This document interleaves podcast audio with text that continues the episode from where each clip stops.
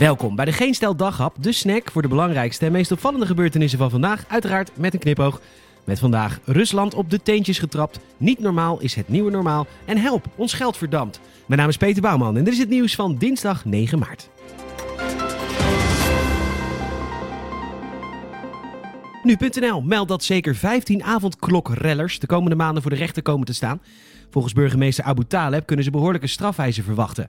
Geweld tegen personen met een publieke taak wordt niet getolereerd. Het is verwerpelijk gedrag dat snel en zwaar bestraft dient te worden vanuit de lik op stuk gedachte al dus de Rotterdamse burgemeester. Tot nu toe zijn in de regio Rijnmond geen taakstraf opgelegd, maar nu theatergezelschap Bonte Hond deel uitmaakt van het straffenpalet, zou er wel eens verandering in kunnen komen. Geef mij maar vier weken cel.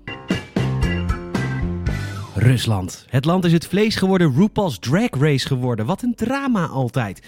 Waarom dit keer weer? Nou, topvrouw van het Europees Geneesmiddelenagentschap Christa Wirthumer Hoach heeft gezegd dat landen niet zelf een spoedprocedure moeten starten om het Russische vaccin goed te keuren, omdat het volgens haar Russisch roulette is, dat meldt HLN.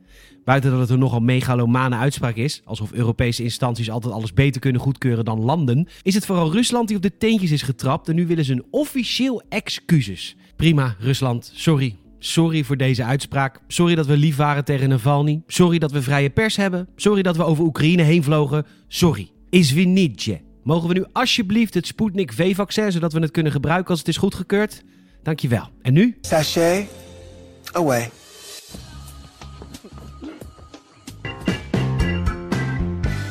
Het AD meldt dat we allemaal lekker geld aan het oppotten zijn en geeft direct tips om wat nuttigs met dat geld te doen, want op dit moment verdampt al dat geld.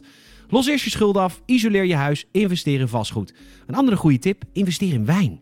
Ja, dat mag iemand mij wel even uitleggen, want daar investeer ik sinds corona bijzonder veel in. En het enige wat het mij oplevert is zelfmedelijden en een weekspreiding van de wandelingetjes naar de glasbak om rare blikken te vermijden. Oh shit, het is dinsdag wit glasdag.